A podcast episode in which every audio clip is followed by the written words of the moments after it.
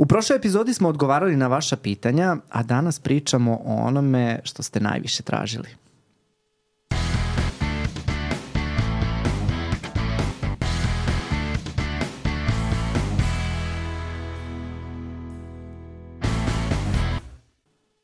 Dobrodošli u još jednu epizodu Dva i po psihijatra.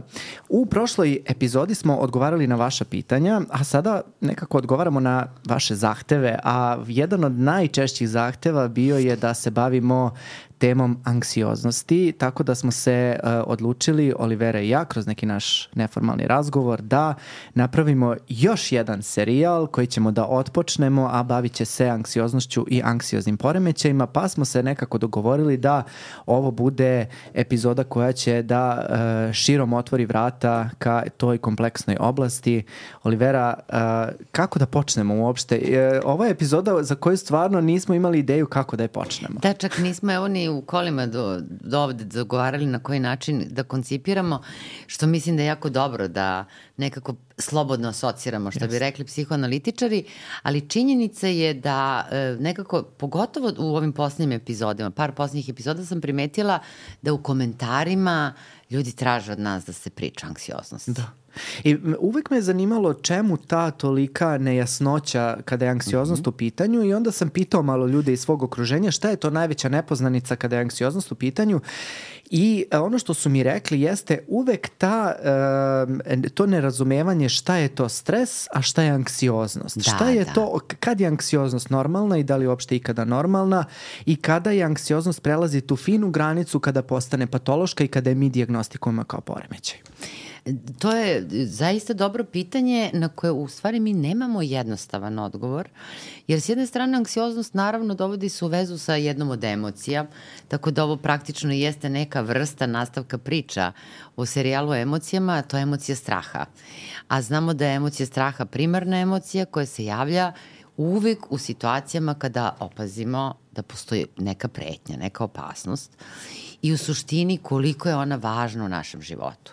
Zamisli sada krene zemljotres ili jednostavno desi se bilo šta, upadne nam sad ovde neki čovek koji je naoružan i sada recimo da mi imamo oštećene delove mozga koji reaguju na opasnost i da smo ravnodušni. Yes. Koliko u stvari, da kažem, ta emocija straha ima jednu ulogu adaptivnu, kako kažem, jel? ne samo za pojedinca, nego i za vrstu. I koliko je ona važna. E sada postoje situacija, nažalost, kada čovek dođe i kada nam kaže ja, ja se užasno osjećam napeto, užasno uplašeno. Obično ne kažu uplašeno, kažu anksiozno, ljudi su već poprilično nekako u materiji. I onda kada ga pitaš, a zbog čega ili od čega, kaže ne znam. I ono što mi se često dešava to je da kada izgovara to ne znam, osjeća se nelagodno. Kao da jednostavno nije u kontaktu sa sobom i kao da je sada tu problem i kao da ćemo mi sada naći razlog, jel? I onda je naravno svaki put kada mi kaže osoba da ne zna, pojasnim da upravo je to nešto sa čim se mi susrećemo svaki dan i da on ima pravo i da može čovek da osjeća tu nelagodu, napetost, anksioznost, nemir, a da pritom u stvari ne može ni sam jasno da definiše zbog čega je to tako. Da, i tu se nekako, ako mene pitaš, dotičemo suštine anksioznosti. Znači, jednog osjećaja prenapregnutosti, straha, naš organizam je u potpunosti nekako spreman za neku borbu, bekstvo, za nešto, za neku reakciju bez jasnog uzroka. I onda tu nekako uh, kada nas pitaju šta je to patološki, a šta je fiziološki, odnosno normalno, onda tu nekako možemo da napravimo granicu koliko nemamo jasan uzrok i nešto što je vrlo vidljivo da nam stvara anksioznost, u tom slučaju vrlo verovatno govorimo o patologiji. Um, eto, da povučemo nekako paralelu, ukoliko je se recimo radi o studentu, znaš da su sve naše knjige psihijatrijske bazirane na studentima Tako i uvek je. su svi primeri o studentima i uvek će mi ostati u pamćenju baš zbog toga. I uvek je taj primer anksioznog studenta pred ispit. Ako nas čeka ispit za, iz psihijatrije za mesec dana, uh, koji nam je ili recimo specijalistički ispit ili nenapisan doktorat ili nešto ono što nam stoji iznad glave ili recimo u svakodnevnom životu to može biti neka pretnja otkazom ili neki preteći razvod braka i tako dalje. U tom slučaju naš strah je u potpunosti opravdan. Međutim, i taj strah može da bude malo preteran i onda ćemo pričati kasnije o tome šta to u stvari znači, ali kada pričamo o anksioznosti kao takvoj, uglavnom pričamo o ovome što si ti rekla, a to je u stvari jedan, uh, jedno potpuno odsustvo tog uh, okidajućeg faktora i odnosno nemogućnost osobe da jasno definiše o čemu se u stvari tu radi. I kada govorimo o tome, znači govorimo o jednom, jednoj grupi poremećaja, jednom u stvari jednom poremećaju koji se naziva generalizovani anksiozni poremećaj u kome je to u stvari jedna sržna karakteristika. Upravo tako, generalizovani anksiozni poremećaj, ali upravo to anksiozni poremećaj i tu je suština, jer nekako e, postoje razlike u stavovima, pojedini autori smatraju da termin strah i termin anksioznost su sinonimi, a pojedini prave razliku pa kažu strah je zdrava, emocija, anksioznost je patološki strah. Nije uvek, nekako ne postoji jasna granica i ne postoji konsenzus. Yes. Da li to jesu sinonimi ili nisu i lepo je zato što si, zašto si pomenuo, dakle, kada govorimo o poremećaju, mi govorimo o tom generalizovanom ili opštem, uh, anksioznom poremećaju, zašto se zove generalizovani ili opšti? Zato što postoji nešto što žargonski zovemo slobodno lebdeća anksioznost, a to je kada osoba stalno nekako treperi, uvek je u tom stanju upravo te povišene pobuđenosti koja ima veze sa stresom, pomenut ćemo je kasnije, i suštinski to osjećanje napetosti, straha, nelagode je kad, kada je reč o generalizovanom anksioznom poremećaju, vezan za jednu, jednu, jednu, za jednu, mi, za jedno, da kažem, stanje misa, ono stanje, jel, koje zovemo zabrinutost. I onda šta nam pacijenti kažu? U tim stanjima stale napetost ili povremeno u toku dana, naravno, nam može da osciluje, ili tako? Ta zabrinutost je u vezi sa budućnošću. Da kažem, mi to u psihijatriji nazivamo jednim poremećem mišljenja koje zovemo preokupiranost, Za razliku od depresivne osobe, kod koje preokupacija je u vidu nečega što zovemo ruminacije, dakle on stalno razmišlja o svojoj prošlosti, gde je pogrešio, osjećanje krivice i tako dalje.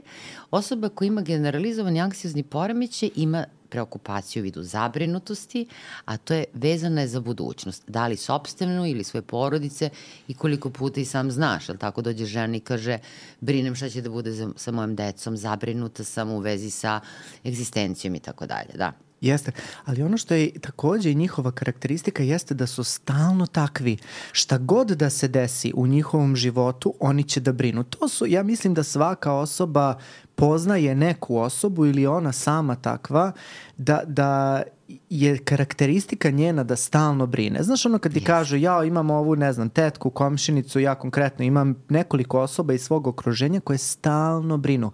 I stalno postoji ta potreba za razuveravanjem i nekako i ljudi se vrlo lako late tog posla da dođu i da razuveravaju tu, da kažem, po, povišenu anksioznu osobu, a mi nekako znamo iz prakse da to ne radi posao, šta više dovodi vrlo često i do kontra efekta, odnosno nekako i do pogoršanja samog stanja, zato što samo i nabija osjećaj i krivice i neadekvatnosti i osoba svata da nije uh, uh, ona, uh, moram samo, evo, digresiju jednu da napravim. Ono što je razlika kod anksioznih poremećaja u odnosu na sve nekako druge poremećaje jeste da ovde u kod anksioznosti je maltene uvek osoba svesna svoje anksioznosti yes. i neadekvatnosti sobstvene anksioznosti. Ona brine, ona stalno brine, ali ono što spoznaje jeste da vidi da je ta briga preterana. I vidi da nema jasnog osnova, ali ne može da prestane. Tako je. I negde si mi sada dao, da kažem, onako šlagvord za jednu jako važnu temu koju ćemo sigurno kroz različite epizode na različite načine da poentiramo, a tiče se jedne oblasti koju volimo, ali tako, zove se filozofija psihijatrije i koja se upravo bavi jednim kritičnim odnosom prema opšte diagnozama. Naravno, granica, normalno, patološko, je, da kažem, sveti gral psihijatrije. Dakle, vrlo je teško i ne znam da li će ikad i koji naći, makar da kažem iz ove perspektive načina na koji mi danas sagledavamo ljudsku prirodu, ali u svakom slučaju ono što je sjajno rekao kod naš kolega Stefan Jerotić u jednoj od epizoda, kada smo malo više se bavili tako filozofijom, to je da suština je u samom pacijentu. Jer pacijent ti kaže da njegov unutrašnji, lični, subjektivni doživljaj, koji naravno ne može da podeli ni sa kim, u stanju anksioznosti nije isti kao kada recimo se uplaši od groma. Jel? Da. Ili kada ga bilo šta u životu objektivno uplaši. Dakle, da postoji zaista razlika između tog unutrašnjeg stanja. I to je nešto što je najvažnije. Znači, mnogo je važnije od svega onoga što mi naučimo, od svega onoga što mi pročitamo, ono što nam sam pacijent kaže i kako, kako on to definiše. A ovo kad si pomenuo stres, u suštini postoji jedna vrlo interesantna koncepcija koja, mislim, stoji, a to je da svako stanje nečega što mi nazivamo mentalni poremeći, recimo, ako sad da govorimo o generalizovanom anksioznom poremeću ili možemo da govorimo o depresivnom poremeću i tako dalje, predstavi takođe jednu vrstu stresa odnosno stresora, bolje rečeno, dakle nečega što izaziva stresnu reakciju, isto kao što i činjenica da osoba ima karcinom ili da bole od neke teške bolesti je takođe stresor. Mm. Jer negde se odnos prema stresu poprilično promenio poslednjih godina. Mislim, stres je začin života, tu dileme nema, ali nekako ranije, u, pogotovo u periodu tamo sredinom 20. veka kada je koncept stresa uopšte uveden u psihijatriju, jel, smatralo se da je to način reagovanja. Ono što mi danas znamo da to nije način reagovanja u datom trenutku, nego da je to jedno kontinuirano stanje. Jel, način našeg prilagođavanja različitim promenama u okruženju izaziva tu jednu stresnu reakciju koja je naš veliki prijatelj, naravno ukoliko ne traje previše dugo ili ukoliko se ne kumulira različit niz različitih stresora, jel? Tako da anksiozni poremeći s jedne strane može da bude stresor, a s druge strane postoje preklapanja, pogotovo je tako, u pogledu tih nekih telesnih manifestacija. Jeste. jeste. Dve, imam, da, imam dve asocijacije. Ti kažeš jako lepo stres je začin života. Da. Ali to kažeš ti i isključivo ja sam sada čuo samo da ti to izgovaraš jer stres sada ima vrlo negativnu konotaciju mm. i kada god se pominje ja sam pod stresom, svaki dan me neki stres, mene ovaj stres će me ubiti i tako dalje i tako dalje, govori u prilog tome koliko je stres loša stvar. Ali ono što ljudi ne znaju jeste da se stres na organizam ne odnosi samo na svakodnevne psihološke stresove, nego je stres i fiziološka stvar. Dakle, kada izađemo na hlad, na hladno vreme, kada plivamo za časni krst, što nas Tako čeka je. uskoro, Tako kada, uh, kada imamo infekciju telesnu, znači kada nas napadne neka bakterija ili virus, naš organizam je pod stresom i on trpi i on pokreće mehanizme da se zaštiti i to je reakcija na stres. Stres u stvari pojačava naš odbrambeni mehanizam organizma. Tako je. Znači pojačava našu odbranu od bilo čega što nas u tom trenutku zadesi. E sad ono što je problem kada si rekla telesno, e to mi je druga asocijacija, ono što je problem jeste da je naš, uh, naša reakcija na stres univerzalna, bez obzira na stresor. Da. I naš uh, uh, taj, mislim, o tome ćemo i, i malo detaljnije pričati, ceo taj sistem stresa koji je a, potiče naravno naše centralno nervnog sistema pa se spušta preko ovaj ne, puteva i endokrinih organa i završava na na efektorima odnosno na regulaciji temperature mišića i tako dalje je nekako univerzalan najčešće reaguje na isti način, a ono što je problematično jeste da mi živimo sada u velikom hiperstresogenom okruženju i naš taj uh, reakcija na stres je mnogo češće aktivirana nego za ono za što je napravljena. A napravljena je da nas zaštiti, recimo ono što vrlo često je profesor Salposki voli da uh mhm. -huh. ovaj, poentira kad nas juri lav, kada idemo u lov i kada vidimo lava, mi se, o, aktivira nam se taj mehanizam bekstvo ili borba i u tom smislu nam vrlo koristi. Međutim, kada nam preti otkaz, svakim danom imamo zabrinutost da ćemo se razvesti, imamo zabrinutost oko bolesti deteta i oko financija svakodnevno, nama isti taj mehanizam konstantno radi, e tu onda dolazimo do problema. Jeste. Tu dolazimo do problema i nastanka štete. E, i ono što se kaže dolazi u stvari do habanja organizma, ali šta telo radi? E, rodonačelnici, ljudi koji su uveli pojem stresa tamo negde posle drugog svetskog rata, to je interesantna priča, ali sada ajde da ne skrećemo mnogo sa teme anksioznosti. E, ono što je interesantno u vezi sa samim, da kažem, tom stresnom reakcijom, je činjenica da su shvatili da postoji taj dobar, loš stres, pa su oni onda dobar nazvali eustres, to je ovo što si ti rekao, ovi drugi su nazvali distres, ali to je nekako pravilo konfuziju ljudima i nisu mogli da shvate, pa dobro, kad je taj stres dobar, kad je loš. I onda je stvarno jedan izuzetan lik koji se zove Bruce McEwen uveo nove termine, jel? to su takozvana alostaza i alostatsko opterećenje. E sad šta to u praksi znači? A onda ću ti ispričati jednu ličnu priču Ajde. i moju asocijaciju, tako je.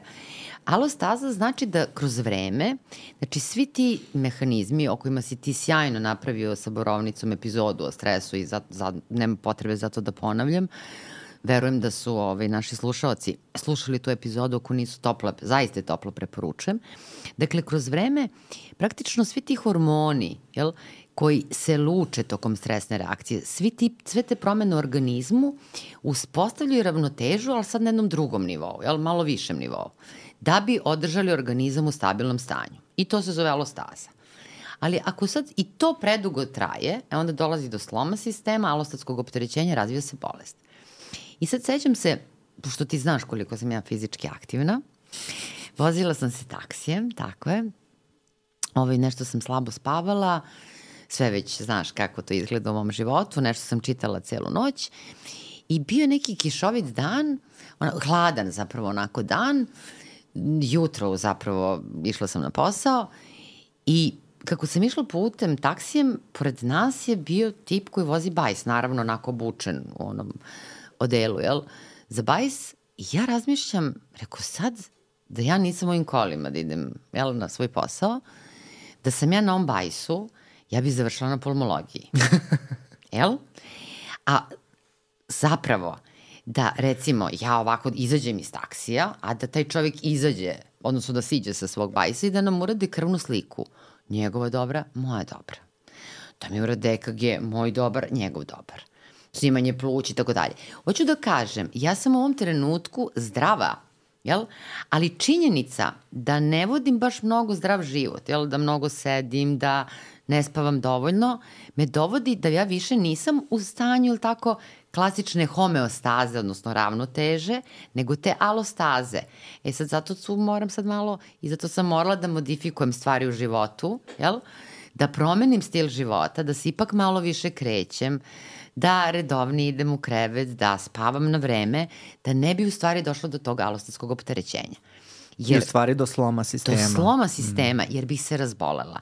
Dakle, i taj koji vozi bajs i ja smo zdravi, ali on u stvari šta nas razlikuje, odnosno u tom trenutku nas je razlikovalo, što njegov organizam može da se prilagodi na mnogo veće varijacije i iz poljašnje temperature, da li je vruće, da li je hladno, da li je u pokretu, e, da li recimo je izložen većim količini mikroorganizama. Dakle, različiti faktori spoljne sredine mo može da se kreće u većem rasponu. Pa to je isto i kao sa našom psihom, jel? Dakle, ukoliko smo mi to zovemo rezilijentnost, da. odnosno mm. otpornost, E, mislim, nekako, ja znam da ovaj, neretko postoji, da kažem, komentari da koristimo anglosaksonske termine, međutim, oni su zaista nekako ušli u upotrebu u našu literaturu. Nisam pristalica toga, slažem se da treba da koristimo naše termine, ali prosto to je tako. Dakle, šta je u stvari mentalno zdravlje? Pa to je upravo ta prilagodljivost, što veća različitim izazovima spoljne sredine. I sada kada čovek jednostavno ima smanjenu tu otpornost na delovanje različitih faktora, onda može da dođe do razvoja poremeće poput anksioznih poremeća. Ali ti telesni simptomi koje si pomenuo, pogotovo ta hiperaktivnost, odnosno povišena aktivnost simpatikusa, je u stvari zajednički imenitelj i negde se povezuje stres, jel, s jedne strane, i anksiozni poremeći. Mislim na generalizovani anksiozni s druge. Ali reci koliko sjajna tema, uh, pogotovo za tebe, jer znam koliko ti uh, voliš nekako to ujedinjavanje tela i duše da.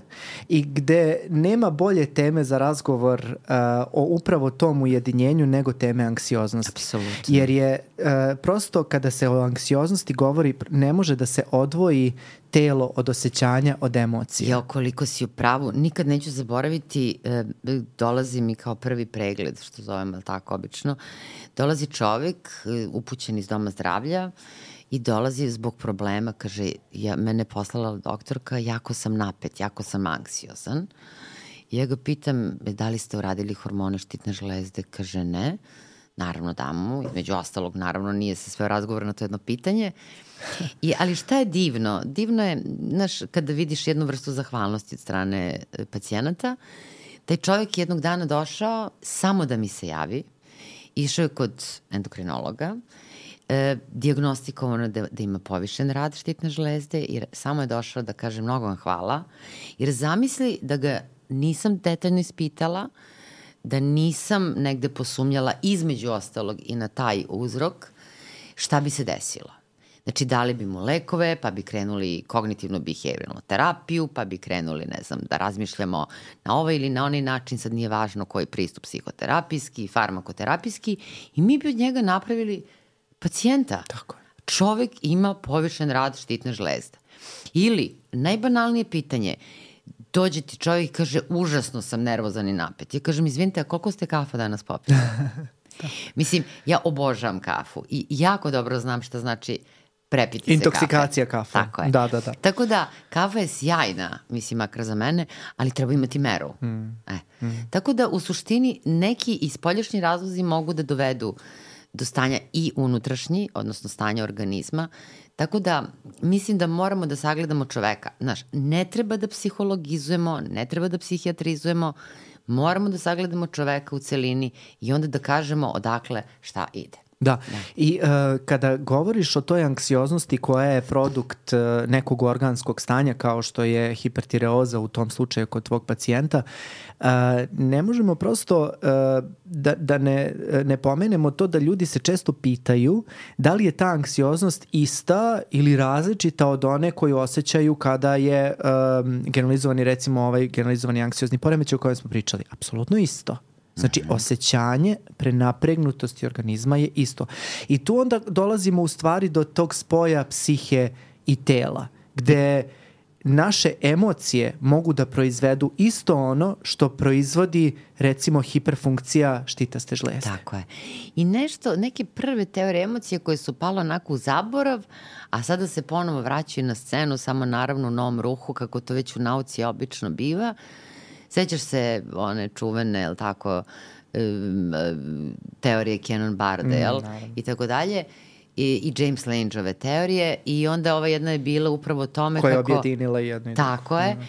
I sada, ali upravo to da je moguće da signali iz tela u suštini se jave prvi i da izazovu stanje anksioznosti. Tako je. Dakle, da se prvo javi telesna signalizacija, a tek onda da kažem ova psihološka, pa čak recimo te neke teorije koje imaju veze, da kažem, sa onim, onom teorijom somatskih markera čuvenog mm -hmm. Antonija Damasija, objašnjavaju zašto je recimo botoks ili tako dobar u tretmanu depresivnog poremeća, jel, kao zbog te facijalne ekspresije, jel? I onda to u stvari dele lekovito ovaj, da probam, a? Da, ba, pa ne znam, možda, te, možda da. bismo i mogli. E, ali kad govoriš o ovim teorijama emocije, ajde, možemo i da pojasnimo u stvari o čemu se tu radi.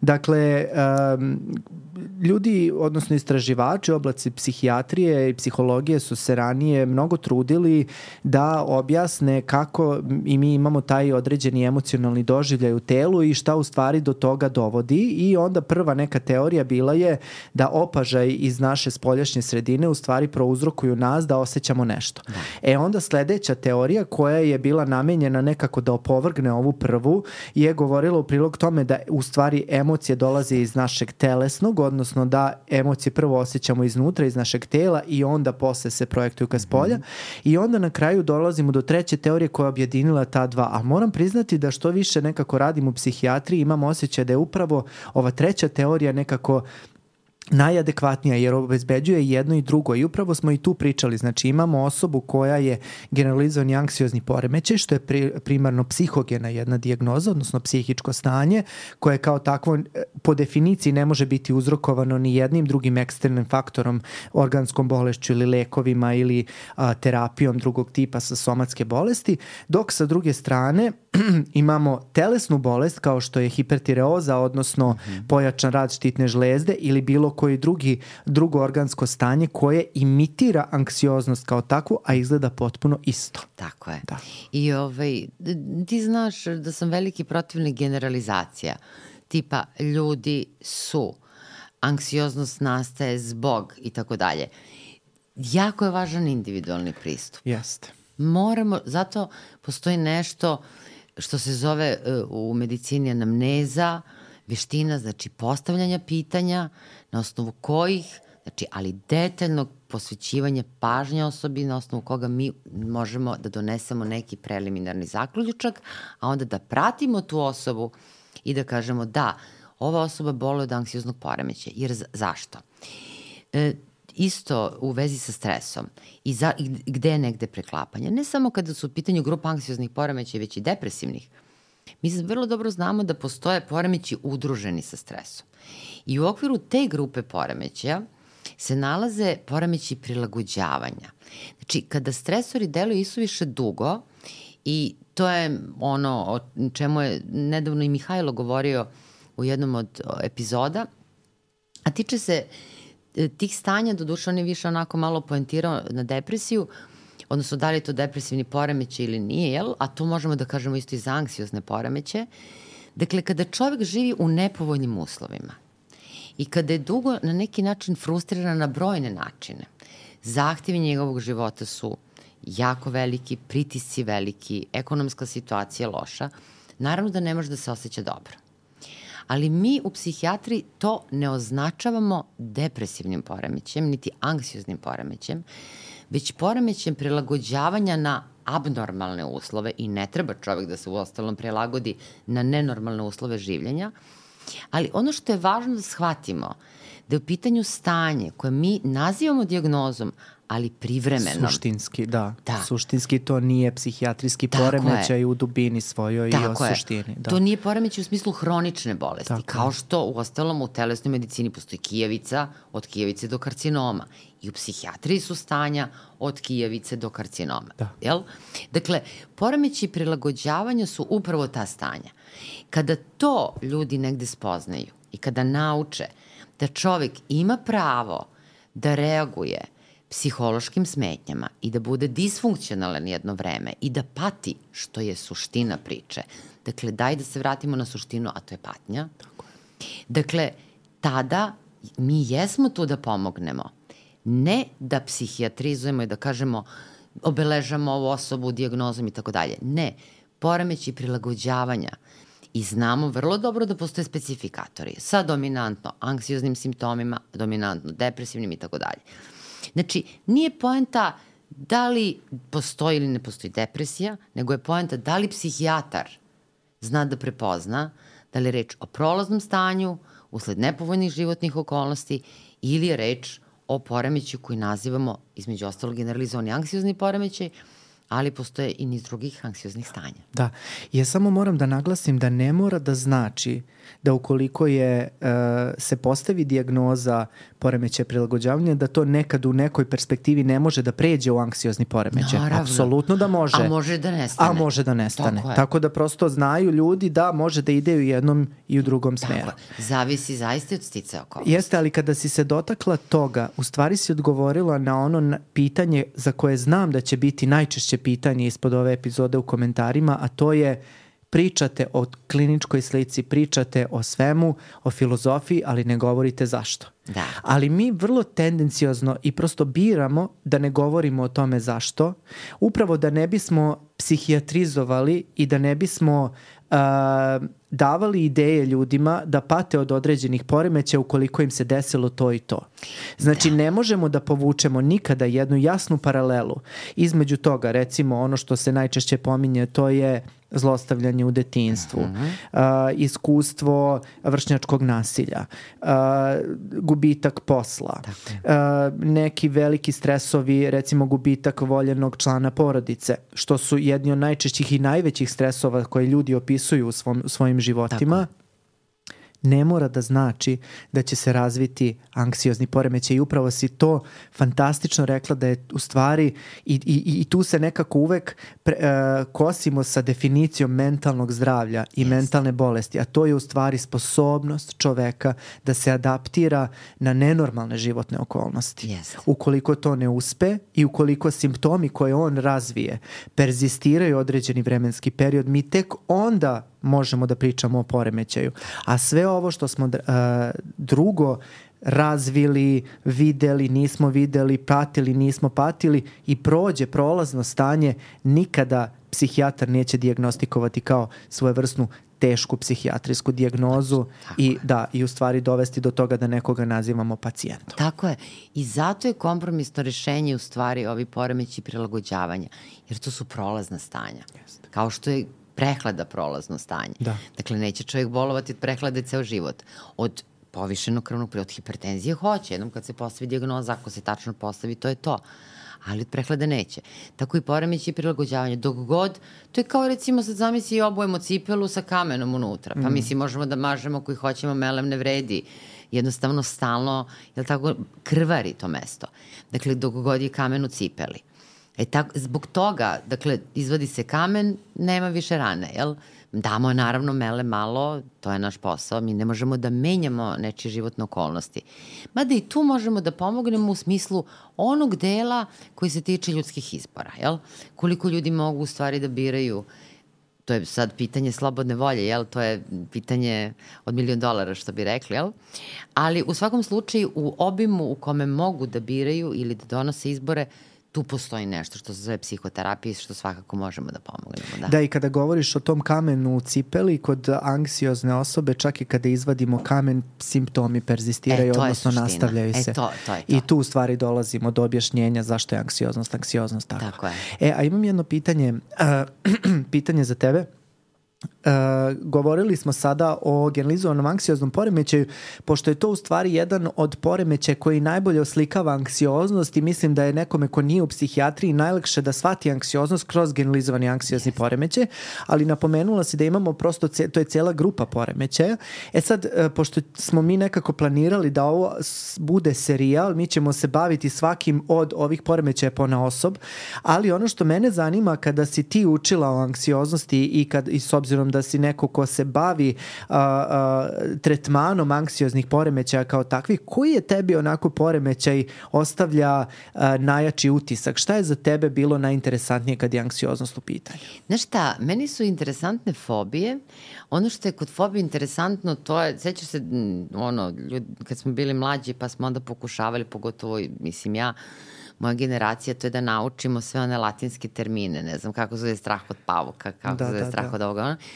Postoji jedan fantastičan, inače, leksikon, psihijatrijski, ali stari, u kome postoje svi ti grčki nazivi, onda su ljudi shvatili da čovek može da razvije fobiju od bilo čega. Od bukvalno svega. Da, od mikrofona, od, mi... od vazduha, od Olivere, Roberta, mislim, Oliverofobija i Robertofobija. Znači, od bukvalno svega. Dva i po psihijatrofobija. Fobija, na primer, tako je.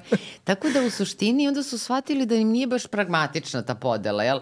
Da li se boji otvorenog, zatvorenog prostora, da li se boji pauka. Već su napravili onda jednu drugačiju podelu, jel? I onda su shvatili da postoje tri vrste fobija, objasnit ćemo šta su fobije, Jel? A to je agorafobija, jel tako? Onda imamo one socijalne i takozvane specifične fobije. Da.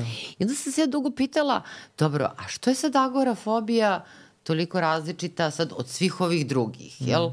Što jer, jer predstavlja izve... zasebnu dijagnozu, da, upravo da, posebnu kategoriju. posebna kategorija, socijalna posebna i treća, jel? Sve, sve ostale fobije zajedno.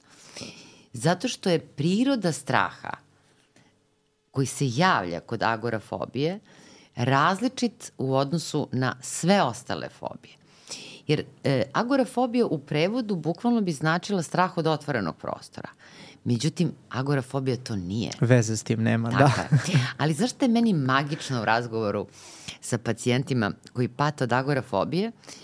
Kod njih može da se javi jedno od tri vrsta straha. Kad se nađu, naravno, na nekom prostoru gde su sami, to ne mora da bude baš bukvalno otvoren trg, jel? Ali, Ali mislim da tako ljudi generalno zamišljaju. Zamišljaju, jeste. Da, pošto kao Agora trg i otvoren prostor i sad ljudi Sad neko kao... je za- na slavi ili na Tako je, terasijama. da, da. I onda sto, ta, kada nekog pitaš ovako kako zamišljaš pacijenta sa agorafobijom, mislim da bukvalno to zamišljaju. Kod znači, konja kod stoji. konja, znači osoba koja ne sme da ide kod konja. Da. Eto, otprilike e, da, tako. Da, da. Ali, da, da, i tako obično ovaj to percipiraju, međutim nije.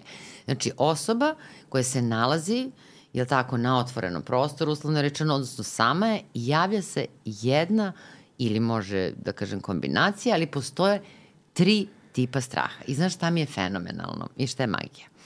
Znači, dođe, recimo, pacijent, ja vidim ono, uputna dijagnoza agorafobije, shvatam već na osnovu prvih par rečenica da reč o tome i sad kažem, izvinite, da li se plašite i onda počnem da nabrajam te tri vrste straha. Da li imate strah da ćete da poludite, da li imate strah da ćete da se onesvestite, to na jednom mestu, ili strah da ćete da umrete. I onda kreće odgovor, a kako znate? Mm. A u stvari to je tipično za agorafobiju. Još ispadneš i vidovit. Pa to, Da. Da. obožavam da. taj moment. Pa da. dobro, mislim, ipak je to naš Pa psihijatrijski moramo i mi, narcizam. moramo i mi malo, Malo. da budemo narcisi. Pa, naravno. jeste, baš nas je pitao neki gledalac, ovaj, manite vi te narcise, ne pričate o sebi kako mi da znamo da vi niste narcisi. Znaš, one naše epizode o narcizmu. Pa postoji zdrav narcizam, postoji patološki, ima raznih. Tako da bismo mu poručili da odgleda epizodu o narcizmu pa Tako da je. nek dobije neki odgovor na Tako to je, pitanje. tako da. je. E, ali jako mi se mi sviđa, svoj. da, da, ovaj, mi smo uh, vrlo stali iza svog narcizma u Tako toj je. epizodi, da. Nego da se vratimo na agorafobiju, um, Mislim da jako veliki broj ljudi zapravo smatra ovaj, da je agorafobija upravo to, samo uh, puki strah od otvorenog prostora. Međutim, ono što ljudi ne znaju jeste da se agorafobija u stvari najčešće i, i javlja u zatvorenom prostoru, odnosno ljudi ne mogu da istrpe uh, da provode vreme u prostorijama i odakle ne mogu da pobegnu. Na primjer, samo kući. Na primjer, samo kući, da. E, da, ono što je u stvari, da kažem, negde e, invalidizirajuće u agorafobiji, sećam se, ali tad sam bila baš onako e, na specializaciji i baš na odelenju specializovanom za, ra- za lečenje ovih vrste poremećaja, osoba nije smela sama da ide u kupatilo. Da. Dakle, iz sobe svoje morala je da ima osobu koja će da je vodi do toaleta. Dakle, to je ekstremni, naravno, oblik, ali da se razumemo ukoliko osoba se ne leči, e to je sada ono što je ključno i što je važno, može zaista sebe da dovede u stanje dobrovoljnog zatvora, da ne izlazi iz kuće. I sećam se davnih je to dana bilo, tamo negde u 13. veku kad sam specializirala, tako je, mogla bi da se priključim u historiji kanala ovaj, pa da malo pričam o tome kako izgledala moja specializacija. U svakom slučaju, ovaj, ali zaista vrlo su bili onako impresivni i, i, i, da kažem ilustrativni primeri e, pacijenata koji su se lečili od ovih poremećaja. Zašto? To je bio period davnih dana, kada 90. godine 20. veka, kada je u stvari onako postalo preklapanje da li psihoanaliza ili kognitivno-behavioralna terapija u tretmanu ovih stanja i onda je bio jedan fantastičan e, članak u New York Timesu gde je osoba išla na psihotera psihoanalitičku psihoterapiju par godina. Mm -hmm. I sad sami se analizirao se tako par godina, ali ne izlazi iz kuće. Mm -hmm. I KBT-ovci koji su to razrešavali ovde i sada.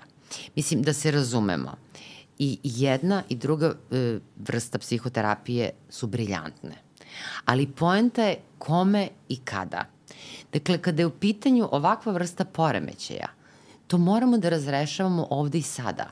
Dakle, onog trenutka kada se osoba javi na tretman, ona odmah dobija zadatak i odmah kreće u akciju. Jeste. Jer nema sada tu analize, ne znam šta se dešavalo u detinstvu i tako dalje, ili slobodnih asocijacija, nego mora da se krene To u možemo vežbe. posle. To možemo Naravno. posle. Znači, kada se rešimo stvari koje nas onesposobljava. Tako je, Mi ukoliko ne je. možemo da odemo na posao, ne možemo da odvedemo dete u vrtić. Znači, ja ne, ovo nije mogla da ode do, do, do toaleta. toaleta. Mislim, o čemu Jezivo. pričamo? Znači, on, mm. mi to možemo posle da do, do, dolazimo u stvari do suštine problema zašto je došlo do toga i možemo i da pričamo šta sve može da dovede, koji su faktori rizika, ono što kažemo, za u stvari za nastanak anksioznih poremećaja. To je jedna stvar, ali kada imamo jednu potpuno stvar koja nas, što kažeš, invalidizira, znači mi nismo sposobni za svakodnevni funkcionalan život, e onda tu nemamo prostora mnogo analizi koliko imamo prostora jednom konkretnim uh, uh, tehnikama kojim ćemo se suočavati sa tim strahom.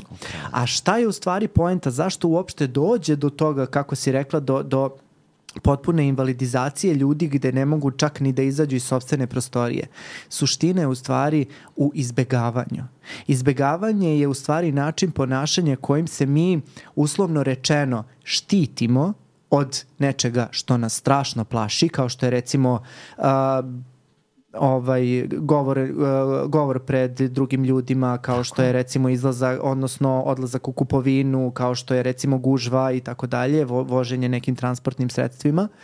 Izbegavanjem mi u stvari podhranjujemo, hranimo taj strah i on uzima sve više i više maha i ono kako si rekla, ukoliko se ne leči, postaje sve veći i veći problem i dolazi do toga da prosto dobija, poprima neke ekstremne oblike. Upravo. To mislim kako možemo u stvari da mhm. napravimo paralelu sa onim vrlo interesantnim poremećajem hoardinga, odnosno sakupljanja mm -hmm. stvari, gde ljudi počinju da sakupljaju stvari od nekih minimalnih stvari. Ajde, neću baciti ovaj isečak iz novina, neću baciti ove mrve koje su na stolu jer one mi znače za nešto, neću baciti sliku ovu i sliku onu i prosto dolaze do toga da više ne mogu da funkcionišu u prostoru, dobijaju infekcije, dobijaju, stvaraju se kote se miševi, šta se sve dešava, Jeste. ko će ga znati.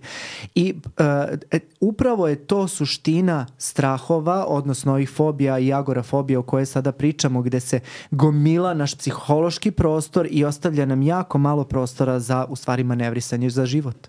Upravo to. I ono što jeste, da kažem, jedan od motiva što i radim ovaj podcast, to je da e, nekako objasnimo ljudima koliko postoji nešto što mi zovemo tok bolesti, što se zove progresija i da ljudi na vreme uh, treba da prepoznaju, naravno ne trebaju da hiper prepoznaju kod sebe jest, sve, jest. ali da se prepozna na vreme i da se na vreme jave. Jer, pazi, nije sve jedno da li čovek sad ima nelagodu da izađe iz svoje kuće, I ta nelagoda može čoveku da sebi prolaznog karaktera. Evo, najiskrenije, ja sam imala neke vrtoglavice koje su bile virusnog porekla i sada prelazim, znaš, već tamo ono, blizu posla, ona velika raskrsnica ja jednog momenta shvatim, pomislim, a šta ako sada krene vrtoglavica i sada hoću da se onesvestim? Ja počinjem da hodam, onako sam, znaš, prosto krećem polako, postepeno. Znaš, jednog momenta sam se blokirala i shvatila sam, i onda sam sebi rekla, Olivera, jel ti hoćeš da razviješ sada jednu vrstu ponašanja izbjegavanja? Ajde, kreni. Znači, ako se onesvestiš, onesvestit ćeš se po Bogu. Ali napred. Znaš, mislim, prosto svakom čoveku može da se desi trenutak slabosti, ali ako mi sad to počnemo da gajimo, pa sad zamisli scenariju da sam ja recimo počela da izbegavam da prelazim preko tog pešačkog prelaza, jer mi se odjednom učini opasnim. Pa da sam onda, onda šta bi se desilo dalje? Onda bih počela da prestajem jedno, pa drugo, pa treće, jednostavno da izbegam sve veći, veći broj mesta i to se dešava u stvari kod osoba koje boluju od agorafobije. Jest. I onda u stvari sebe dovode u ovo stanje koje smo pomenuli, a to je jedna totalna invalidizacija ili postoje neki drugi načini takođe kako održavaju svoju bolest.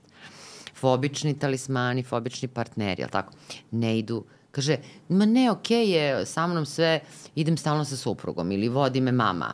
Pa to je upravo nešto što kroz terapiju tako treba da shvate da je suština da sami funkcionišu. To su upravo te sigurne osobe, odnosno sigurni predmeti za koje Tako se vezuju. Da. I onda, znaš, isto... One zečije šapice i ostalo pa to, što se pa da. i onda i to, i to isto, isto postoji jedna, kad kaže magija, to naravno da se šalimo pod znacima navoda, kad pitamo, izvinite, ali imate vodu u toj torbi ili, ili imate kocku šećera, da kako znate. Da. Zato što je to tipično ponašanje. Jer nešto što nekad se čini kako je to moguće, ali postoje neke univerzalije, postoje neke pravilnosti.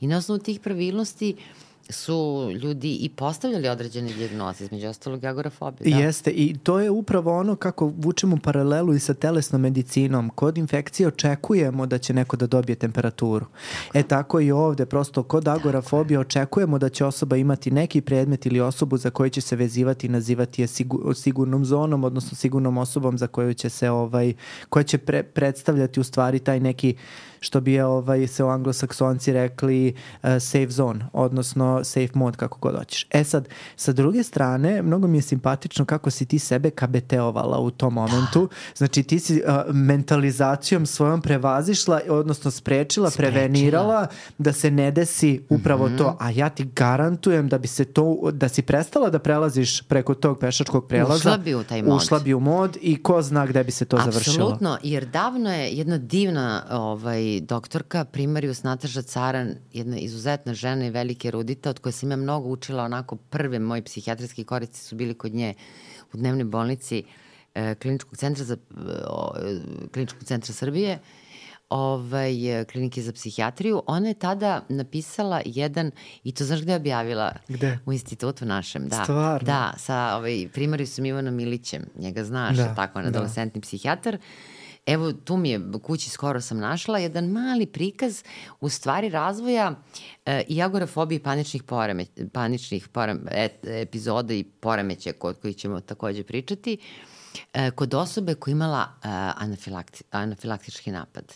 Dakle, posle u stvari jedne, je tako, ekstremne alergijske reakcije gde je mogla da umre, ona je razvila u stvari i panični poremeć agorafobije, da. Jeste i nije redkost da ljudi imaju tako neke nepredvidive reakcije, recimo epileptični napad mm -hmm. ili neko drugo tako šokno stanje mm -hmm. i da onda nakon te užasno uh, stresne i traumatične epizode somatskog stanja u stvari krenu da izbegavaju neke stvari i da razvijaju agorafobiju, odnosno da razvijaju psihičke smetnje. I sad podsjetila si me uh, sa ovom svojom pričom na jednu moju epizodu uh, kada sam, sećam se, bio mislim da je to bila treća godina fakulteta i onaj ko nije studirao medicinu uh, ne zna da je treća godina možda jedna od najstresnijih, ako ne i najstresnija godina, jer uh, mi smo je nekako opisivali tako kao da si na pola pučine mora. Znaš, nit vidiš kraj, nit vidiš početak, ne znaš šta ti je činiti i stvarno se cele godine nekako tako osjećaš. Nit kraja, nit početka, onaj ko ne zna, naš fakultet traje šest godina i tačno tu si nekako na, grani, na, na, na sredini, a nikako ne vidiš ni kraj ni početak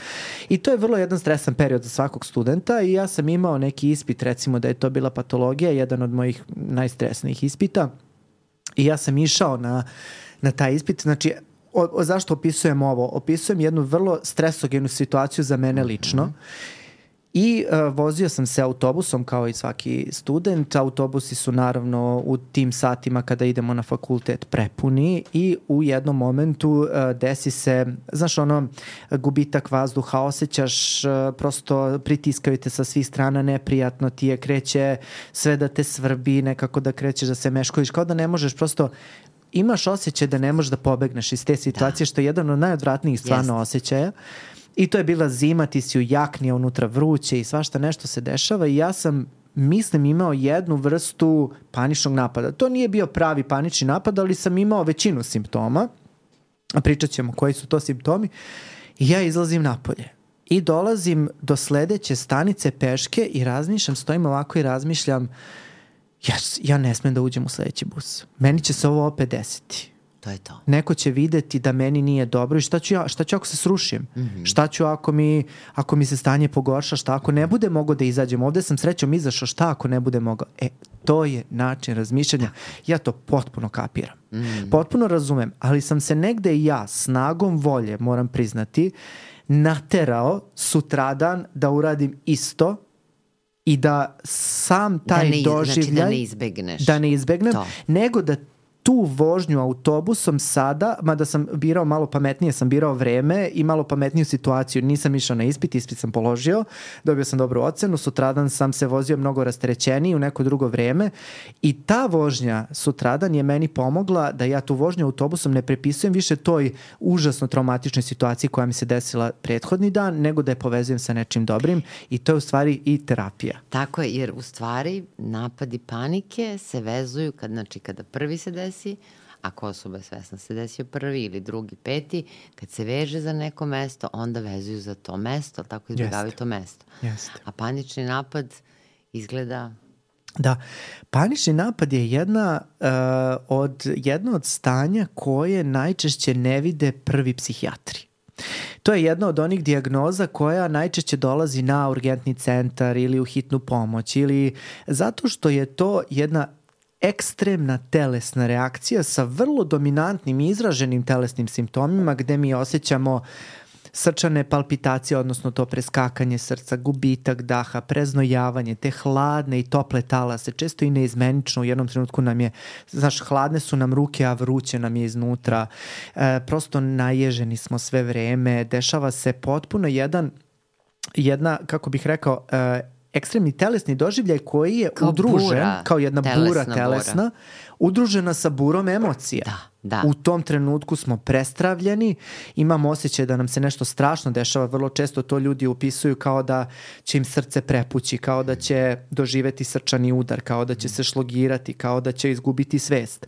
To je stvarno jedan užasan subjektivni uh, doživljaj koji srećom ima svoje ograničeno trajanje. Dakle, on ima svoju neku određenu pravilnost kako se dešava. Dakle, nastaje nekih 5 do 10 minuta, održava se kratak vremenski period, isto slično toliko trajanje i popušta i prestaje.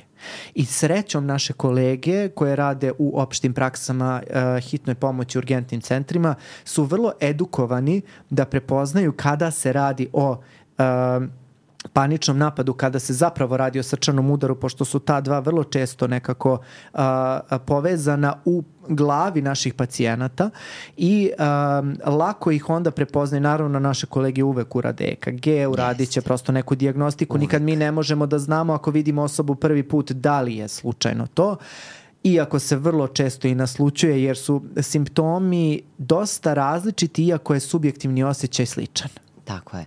Tako je i ono što je važno, e, što si rekao, e, ljudi idu prvo kod lekara, opšte medicine, kardiologa ili neki urgentni centri, hitne pomoći. Zašto?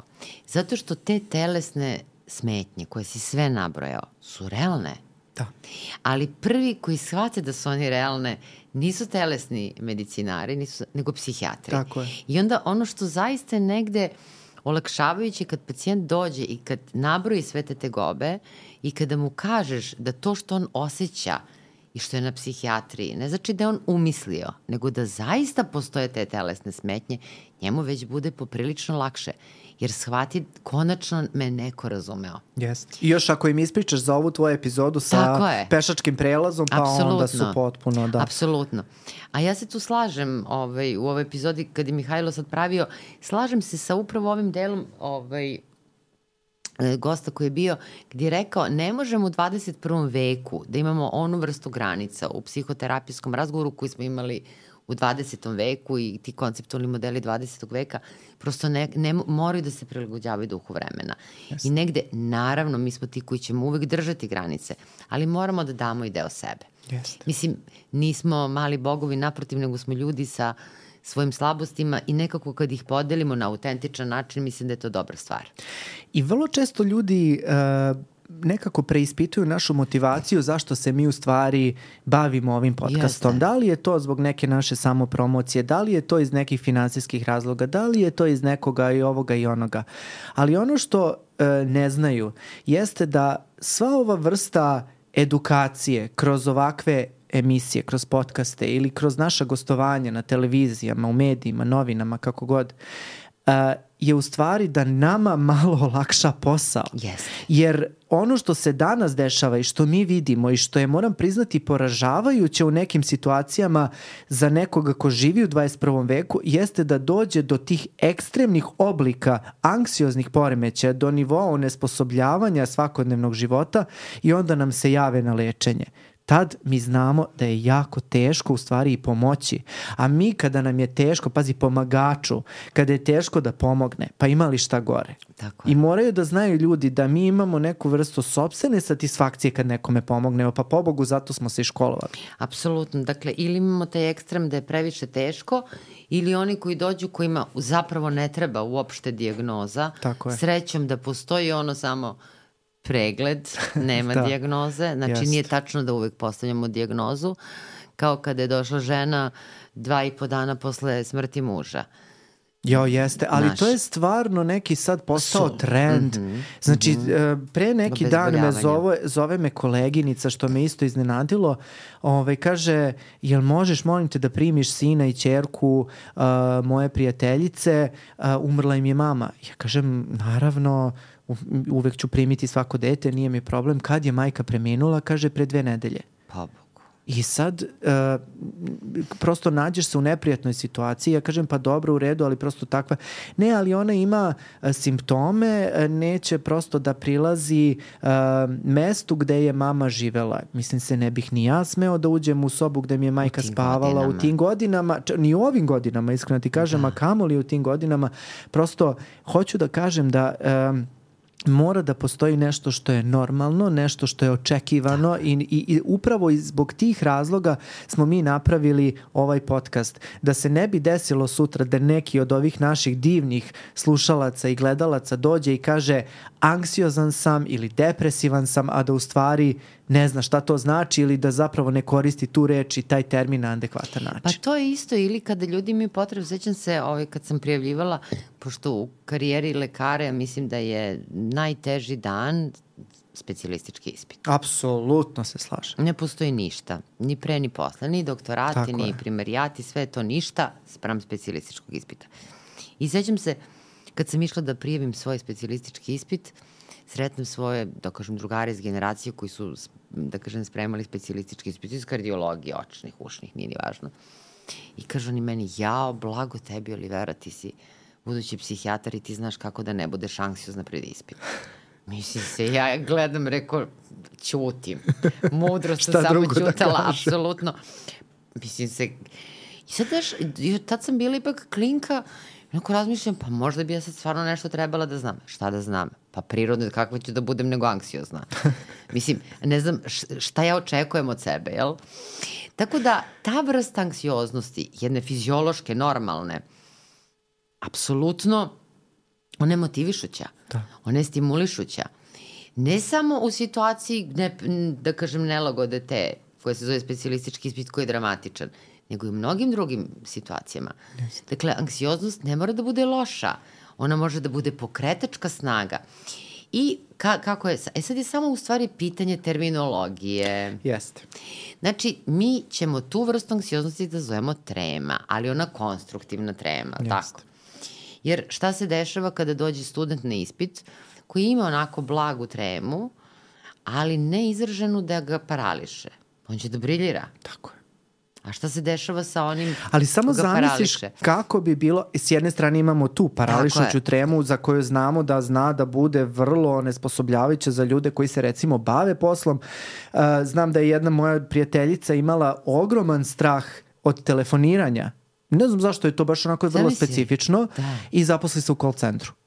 I onda Jel, je jel moguće? Pa stvarno je, fenomenalno, znači to da. je stvarno primer onako ekstreman, ali dešava se. Da, da, da. Ili prosto da neko ima strah od javnog nastupa i mora da vodi podcast. Tako je. Da, mislim kako bih ti rekao, to je bilo Pa da veliki, kažem- veliki izazov da me staviš ovako na stolicu na mi, za mikrofon i da i ovo pred ovu kameru u koju i dalje ne gledam, strašno mi je da je gledam. Roberto, nemoj samo molim te ovaj, da ja imam sada traume i osjećanje krivice da razvijem depresivnu epizodu zbog tvoje treme koja je bila parališuća i stresogena. Što si me dovukla ovde. Tako je, da. Ovaj, mnogi bardovi e, ovaj, naše pozorišne scene, mnogi veliki glumci naši, Mm. ljudi ni ne sanjaju da su bili neverovatni tremaroši. Da. Ali oni, kada izađu na binu, oni su briljirali. Jeste. Ali tremaroš i tremaroš, jel? Znači, to ne bira čak, eto, ni ljudi koji su izabrali takvu vrstu poslova, da? Jeste, ali onda samo pomislimo šta bi bilo kad ne bi bilo te treme. Pa samo Mhm. zamisli uspavanog studenta. Studenta koji, kojem zeva na ispitu, koji Tako se je. smara, dosađa. Tako je. Jer uh, ako nije stimulišuća trema, nekako na suprotnom kraju spektra je dosada. Tako je. I onda, znači, sve je pitanje gde smo mi na kontinuumu od dosade do stimulišućeg stresa Tako i mi moramo negde tu da se pozicioniramo i ako nismo na tom spektru koji nas stimuliše, mi se smaramo, dosađujemo se, zevamo. Nas, pa to, ili da nas dvoje malo nismo imali tremu pred evo ovo snimanje. Ono da. nas je stimulisalo. Jeste. Apsolutno. Da, da. Da, e sada tu je taj problem ukoliko isuviše jaka ta trema, da osoba ne može da izađe na ispit, da odustane od ispita. E, to je Ili problem. da ne može da izađe na binu. Ili I da onda nema... dolazimo do ovog izbegavanja koje Tako smo je. pomenuli. E, jeste. to je onda patološka anksioznost i tada u stvari se ljudi javljaju na tretman. E, pomenula si u jednom momentu uh, panični napad ali se negde tu provlači i termin panični poremećaj. E, koja je u stvari tu suštinska razlika ili sličnost? Šta je u stvari što, nešto što objedinjuje ta dva termina? Pa tu u stvari, da znam odgovor, onda bih eh, razrešila pitanje između dva velika sistema klasifikacije Svetske zdravstvene organizacije i Američke psihijatrijske asocijacije, šalim se malo, ali vrlo dobro znaš da u jednoj klasifikaciji stoji agorafobija s paničnim poremećima, a drugoj panični s agorafobijom, odnosno odvojili su. U suštini nekako to su e, ta agorafobija, taj panični, znači brat i sestra blizanci mm. ili brat i sestra kako god hoćemo i neretko se u stvari javljaju zajedno. Međutim, činjenica je da panični poremeći mogu da se jave i nevezano od ovog famoznog otvorenog prostora, je li tako? Da se jave u najrazličitijim situacijama i ukoliko, e sada, zaista i tu postoje velike razlike, individualne među osobama, dakle, postoje osobe kod kojih se napadi panike javljaju jako učestalo i više puta u toku dana, postoje oni, oni kod kojih su mnogo ređi, takvi se nekada i ne jave psihijatrima, jer ne razvijaju ove dalje posljedice toliko izraženo, da kažem, ponašanje izbjegavanja mm. i sve ostalo.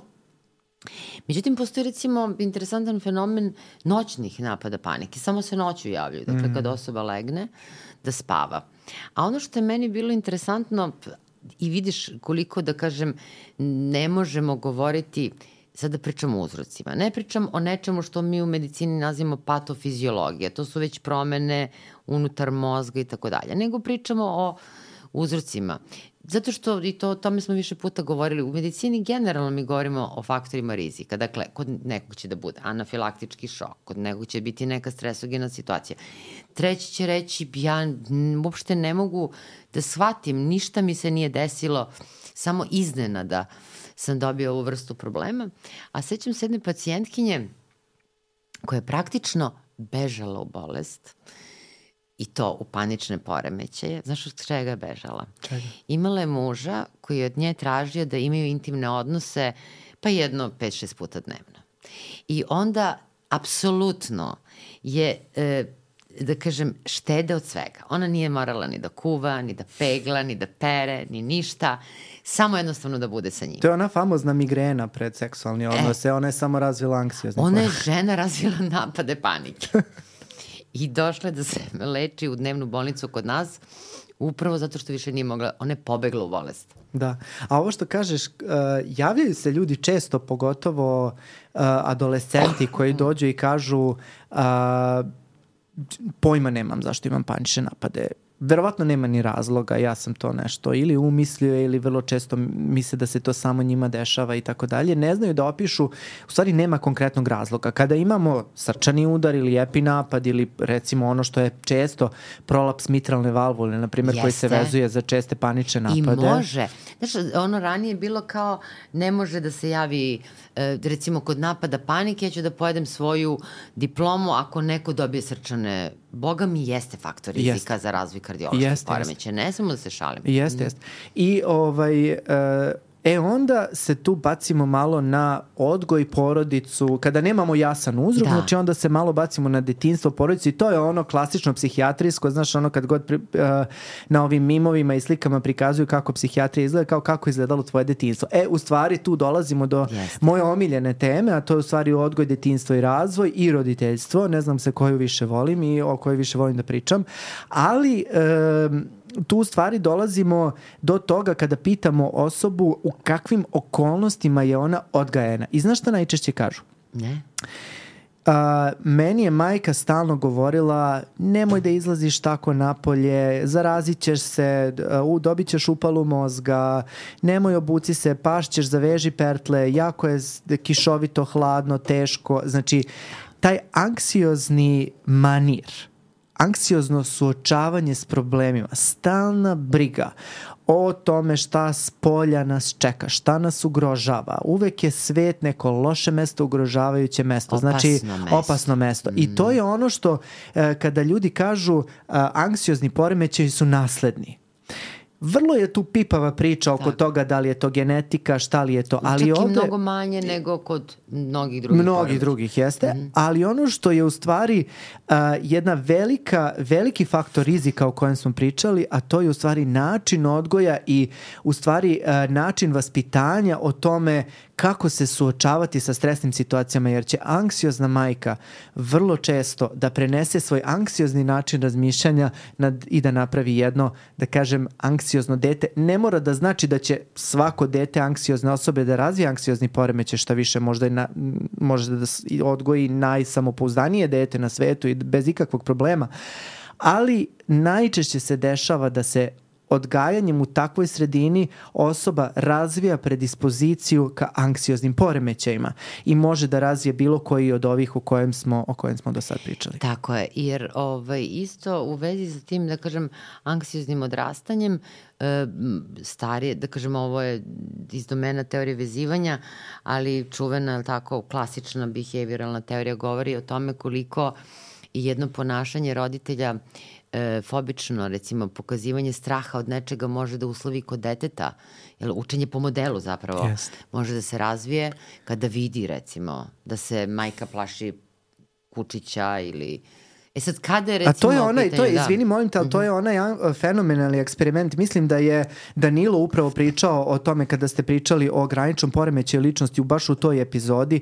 To je stvarno sjajan eksperiment koji je poznat svim dečijim psihijatrima, koji se uh, odigrao uh, dosta, uh, dosta davno, ali dan danas predstavlja nekako platformu za objašnjavanje bilo kojih od ovih teorija attachmenta i bilo kojih psihijatrijskih poremeća baziranih na tim teorijama i upravo taj a, eksperiment koji govori u stvari o tome kako uh, emocija roditelja u stvari modifikuje ponašanje Jeste. deteta kada dete uh, hoda uh, do je, znači ima ovako jedna platforma Mhm. gde koja se sastoji iz jedne solidne platforme odnosno Mhm. jednog da kažem evo recimo kao ovaj sto ovde i onda jednog stakla Mhm. i onda gledaju posmatraju dete kako će da dokle će da ide ukoliko majka pokaže emociju straha onog momenta kada dete dođe do uslovno rečeno ivice, ono će tada da stane.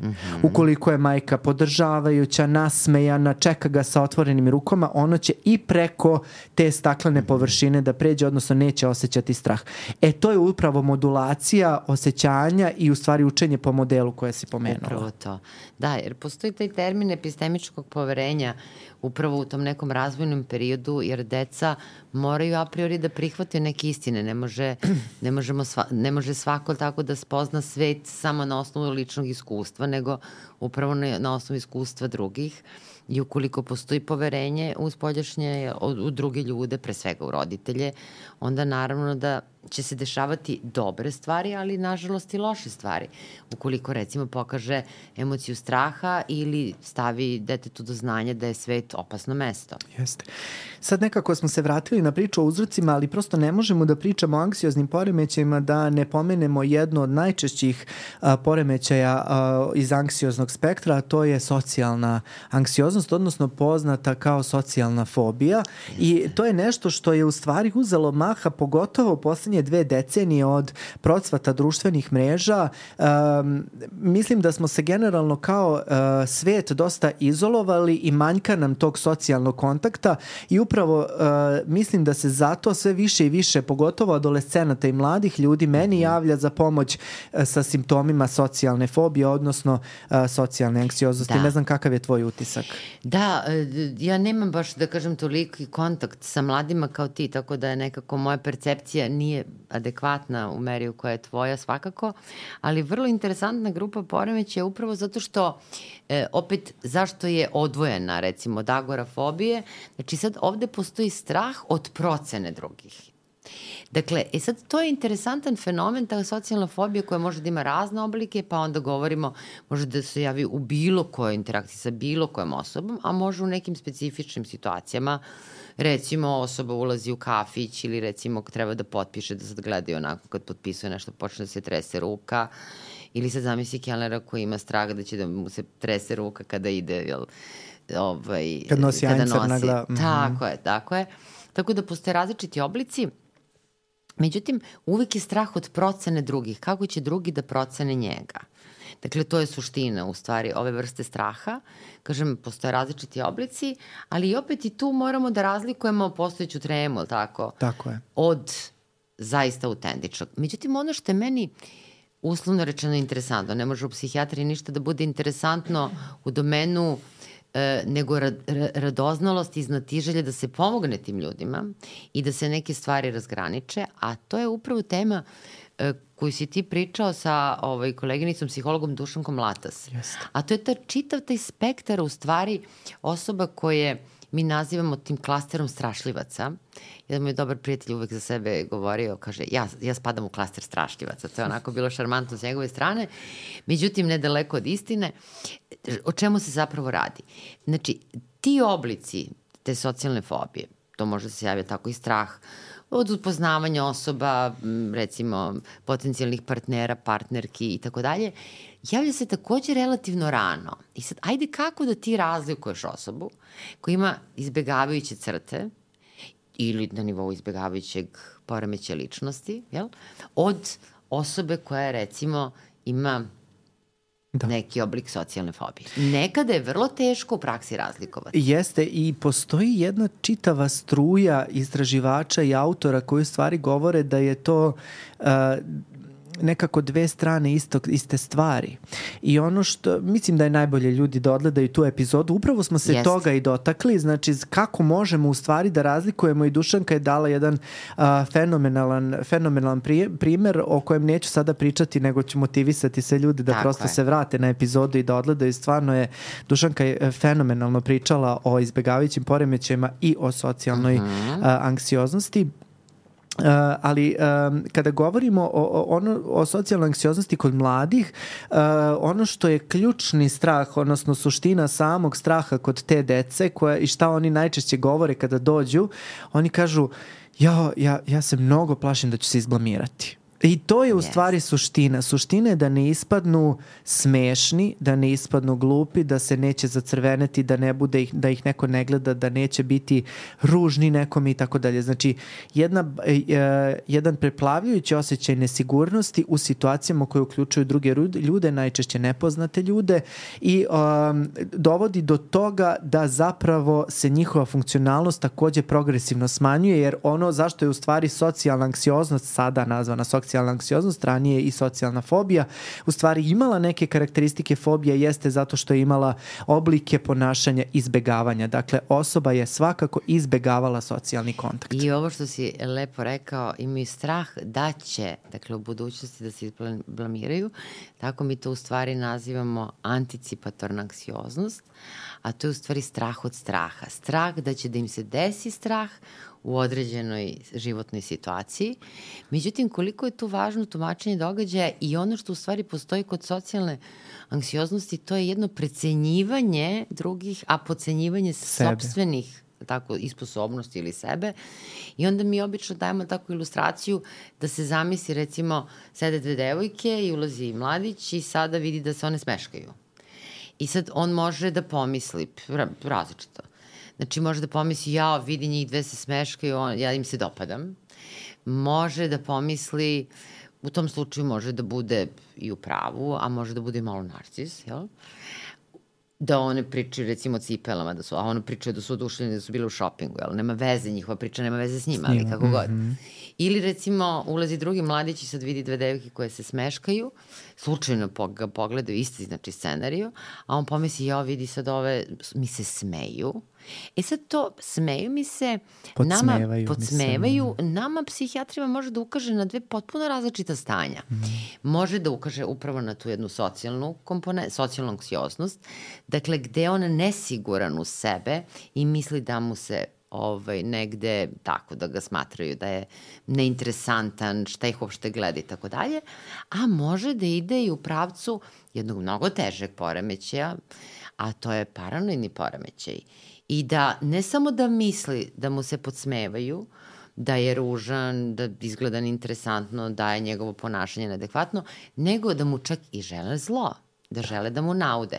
Prema tome, koliko naše tumačenje jedne iste situacije može da bude različito i koliko u stvari može da dovede do različitih ishoda. Da? Pa je posle da neko kaže da psihijatrija nije fenomenalna. Pazi, od tako jedne proste situacije yes. i od uh, neurobiologije, od naših predubeđenja, Jest. od našeg samopouzdanja, Jest. od našeg vaspitanja, od naše uh, prethodnog psihičkog stanja, zavisi kako ćemo mi percipirati tako jednu jednostavnu situaciju, je. koliko je to individualno. I onda dođe posle neko ili napiše komentar ili dođe mi u ambulantu i kaže pa dobro zašto je moje dete anksiozno, očekuje odgovor u dve rečenice Instant. ili vrlo često u jednoj reči ti si kriv, ona je kriva i tako dalje. Negde se uvek se traži se uzrok, traži se krivac, ali ono što je fenomenalna stvar psihijatrije, pogotovo kada si je reč o anksioznim poremećima, je da nam ne treba uzrok da bismo ga lečili.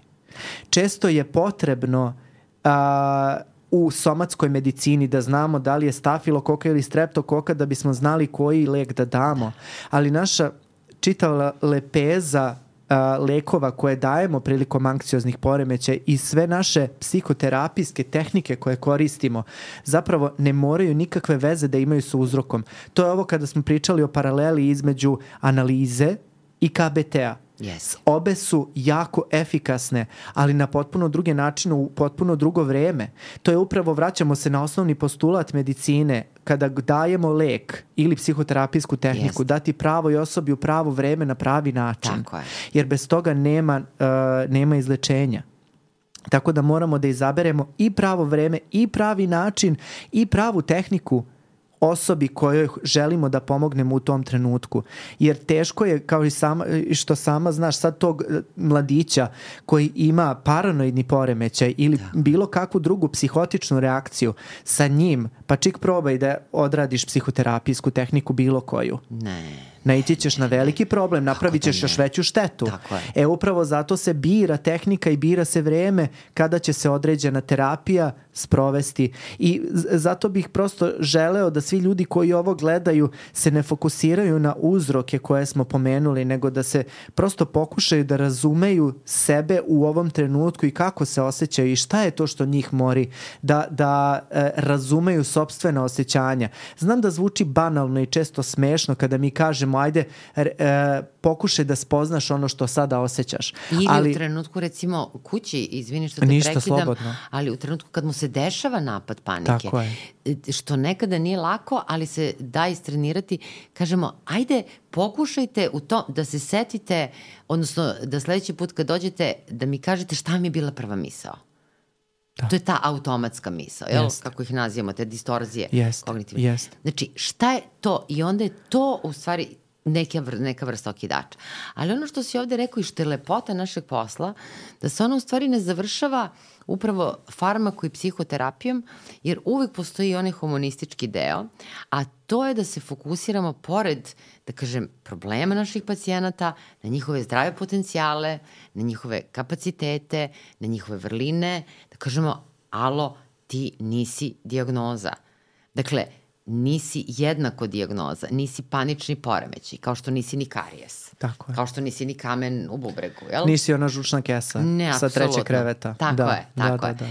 Prema tome, i znam kada sam radila u dnevnoj bolnici, imala sam jedno predivno iskustvo, tada ovaj, nekako ideja, imali smo jednu fenomenalnu, da kažem, akciju, timsku, a to je pravili smo, odnosno pacijenti su imali zadatak da prave uh, po, pe, predstave, pozorišne predstave pred Novu godinu. I jedne godine su sami napravili scenario i napravili su fenomenalnu pozorišnu predstavu u kojoj su napravili ordinaciju. Znači, inače koleginica, studentkinja medicine koja je u tom momentu bila pacijent dnevne bolnice je glumila doktorku, a svako od pacijenata je glumio svoju dijagnozu. I ja se sećam upravo pacijenta pa, sjajno. Ne možeš da shvatiš. I pacijenta sa anksioznim poremećem, odnosno sa napadima panike. I sad zamisli njega koji kreativno glumi sebe u poziciji osobe koja ima panični poremeć. Ja koja sedim u publici, znači ja sam sada publika i gledam ga, ja njega ne gledam kao pacijenta koji ima panični poremeć, nego kao glumca koji glumi.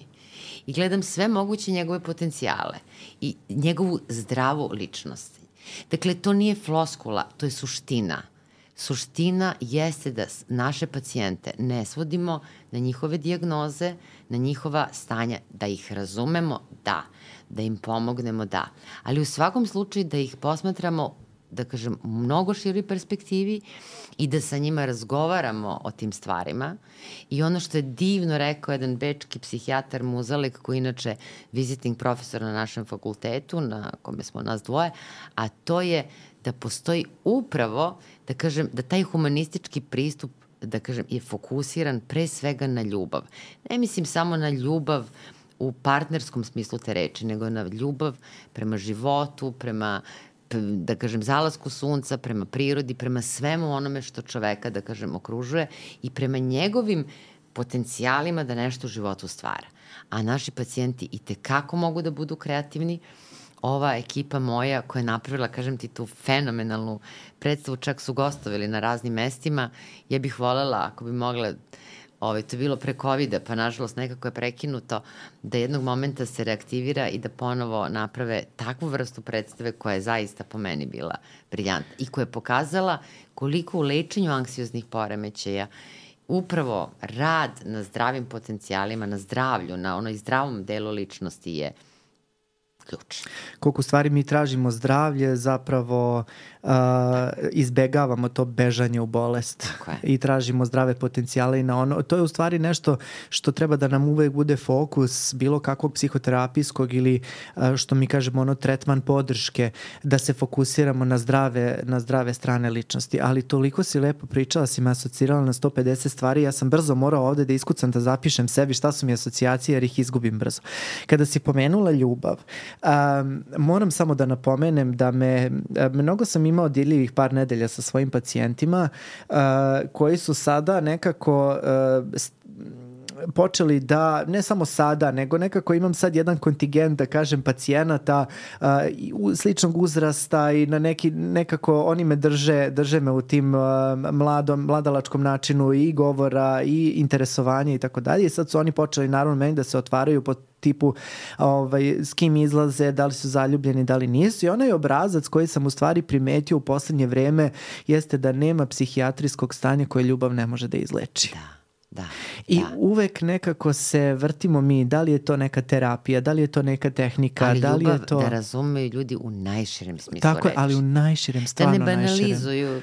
jer mislim da, da premo karikaturu, da mislimo sad treba da se pojavi neki momak i devojka, nego prav, a u ljubav prema svemu. Jeste i moram samo da ti kažem, eto sad u celoj toj situaciji e, dolazim, pošto sam bio dežuran i sad obilazim mm -hmm. sva odeljenja i jedan pacijent e, zahteva razgovor sa mnom i on meni kaže, doktore, ja mislim da ja ne osjećam ljubav, odnosno sumnja da ima neku vrstu psihopatije u sebi i da ne osjeća ljubav i Uh, na kraju tog jednočasovnog razgovora smo u stvari došli do toga da svako može da oseti ljubav i da je ljubav u stvari ono što štiti, samo je stvar perspektive.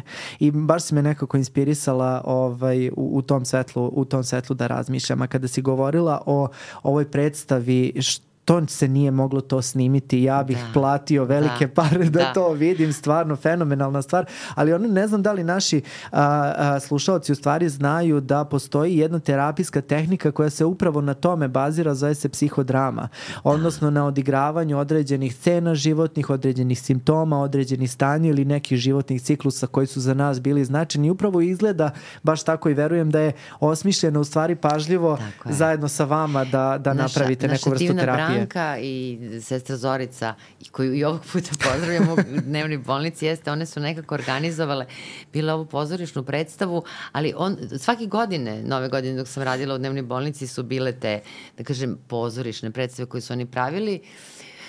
Ovaj, to je bilo fantastično, sećam se jedne godine su ovaj, imitirali doktore. Oni inače imaju u okviru dnevne bolnice te imitacije To je fascinantno. Znači ti kad vidiš kako neko ume, sećam se jednu koleginicu, skinuli su fenomenalno.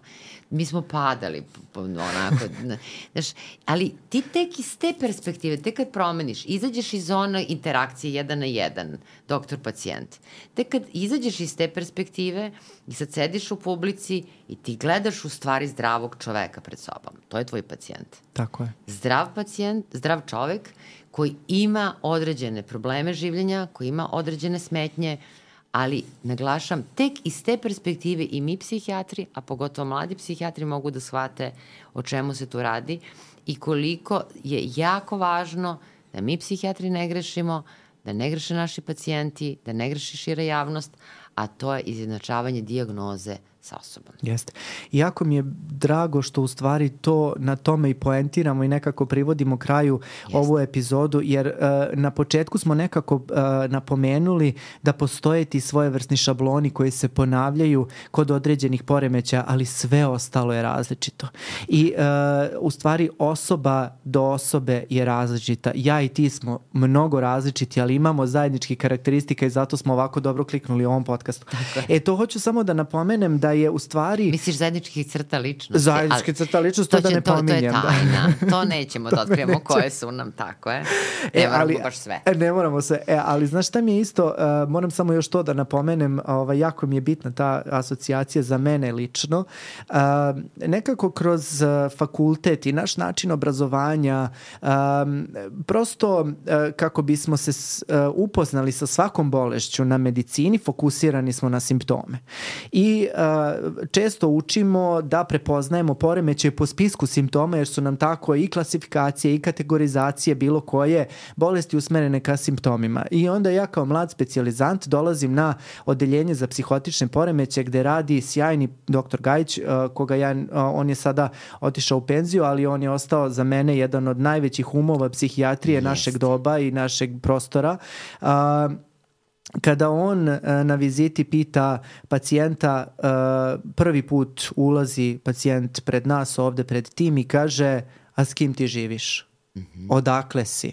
Mm -hmm. Ko plaća račune? Mm -hmm. Mm -hmm. Ko je tu s kim u, bre, u vezi, u braku? Kakva, prosto nalazi način da zamisli kako je toj osobi živeti u toj kući, živeti u tom mestu, živeti na tom području. Mm -hmm. To je neki potpuno bio novi način gledanja psihijatrijskog mm -hmm. poremećaja i pacijenta za mene potpuno neviđen do tada.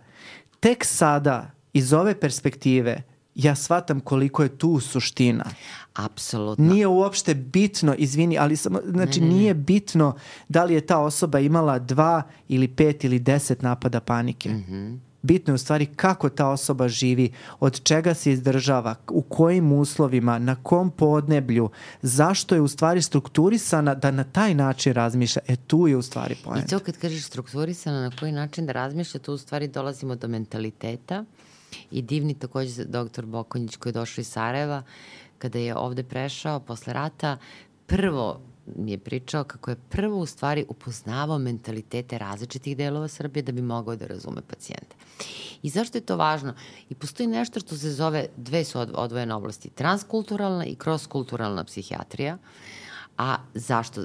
Mislim da se razumemo, postoje različiti teorijski modeli, ali mi psihijatri smo dužni da znamo teorijske modele sve, ne naravno u meri u kojoj se određeni terapeuti bave određenim oblastima, ali taj socijalni faktor i taj kulturološki moment, mi psihijatri nemamo, da kažem, slepomrlju. Naprotiv, vrlo se fokusiramo na to. Jer postoje sredine u kojima telesni simptomi su vid komunikacije i način emocionalnog ispoljavanja, izražavanja. Prema tome, anksiozni poremeći će biti predominantno telesne, jel? Manifestacije u određenim miljejima, u određenim sredinama, u kojima se na, preko tela i komunicira, preko tela ispoljavaju emocije.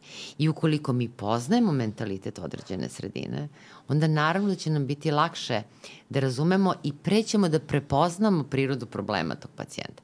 Da ne pričam o životnoj dobi Jer ti Roberto, kako se zove onaj film e, kada Benjamin Button, onaj Da, što da. sve mlađi i mlađi. Jeste, Pa ja te Benjamin Button. zamišljam, ti ćeš biti sve mlađi i mlađi iz godine u godinu, jer ti ćeš Iz morati... tvojih reči u Božji uši. Pa ne, ali pazi, ti sad moraš da poznaješ nove kulture, pa nove generacije, pa X, pa Y, pa Z, pa Epsilon, pa Delta, pa više Da. ne znam koje. Znači, stalno ćeš biti u trendu. Jeste. Jer ti moraš da znaš, je li tako? I koju muziku slušaju, koje igrice igraju, koji su filmovi aktuelni, pa fenomenalno. Jeste. Stvari Ali- biti, pa tebi je divno. Jer, ja nisam dečji meni je, psihijatar. Pa ja se uopšte ne žalim, kako bih ti rekao, ja sam vrlo namerno izabrao dečiju psihijatriju Da. i to je sad priroda posla i to sam sa Jasminkom Marković uopšte pričao kada Mhm. smo govorili o adolescenciji, koliko mi kaže ona, znam sve o Fortniteu i Minecraftu. Pa to. Kako bih ti rekao, moramo da, Pa to. da budemo u toku, jer kako ja da razumem nekoga uh, ukoliko recimo ne mogu da se stavim u njegove cipele. Recimo imam jednu um, prijateljicu koja je dosta mlađa od mene koja kaže ja sam išla na psihoterapiju kod uh, jedne žene koja je u penziji koja nije mogla da razume kako ja to preko Tindera stalno tražim dečka. Ona ja njoj kažem ja, nju svaj, ja njeg svajpovala levo, svajpovala desno, ona me gleda bledo. Uopšte ne zna o čemu pričam.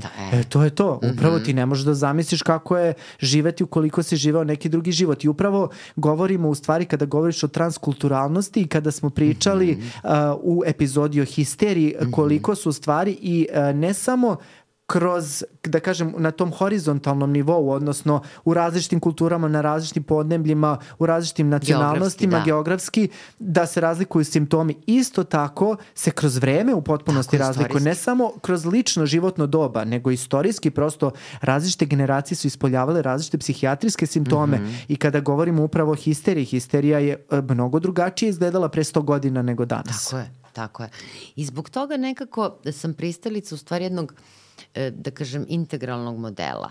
Znači, nisam pristalica sada, aha, sad ću da se bavim kognitivno, sad ću da budem pristalica KBT-a, ili ću da budem samo pristalica biološke terapije, ili ću da budem pristalica isključivo socijalnih faktora. Naprotiv. To je nemoguće. Nemoguće je, jer mi smo sve. Mi ne možemo da negiramo da smo biološka bića, ne možemo da negiramo da smo kulturološka bića, ne možemo da negiramo da postoji neka psiha, da ne postoji neka dinamika unutar naše psihe. I zato je lepota psihijatrije i verujem da kada budemo slavili rođendan da ćemo ponovo da pričamo malo. Je se slažeš? Apsolutno. ovaj, o tome šta je zapravo psihijatrija i čime se psihijatrija bavi i da ona obuhvata sve to. Da, I da nije isključiva i da nije samo medicinska disciplina. Mislim da si savršeno najavila e, epizodu koja nas u budućnosti čeka, to je epizoda naša rođendanska. Ja ne mogu da verujem kako ovako brzo prošlo vreme i da smo već dočekali ovaj naš prvi rođendan. M, hvala ti evo što si ovako lepo nekako zaokružila celu ovu priču. A, moram samo još jednom da a, vas pozovem sada u naš Patreon a, gde ćemo pričati u stvari o tretmanima koji se tiču anksioznih poremećaja. U ovom prvom delu smo se nekako bavili svim i svačim uzrocima, filozofijom i kliničkim a, slikama i simptomima. Sada ćemo se baviti a, tretmanom i lečenjem, tako da ukoliko želite i da nas podržite, a i da saznate nešto novo, svakako ću vas pozvati da se a, pretplatite na naš Patreon nalog, jer to nama dosta znači. Ukoliko ih pak odlučite da ne želite, onda nas podržite ovde na YouTube-u ili na audio platformama, ostavite nam komentare, a, pretplatite se na naš kanal, stavite ono malo zvonce koje vas, vas ovaj, obaveštava da ide premijera naše nove epizode nedeljom u 6 sati. Ljudi, do sledećeg gledanja, vidimo se. Ćao!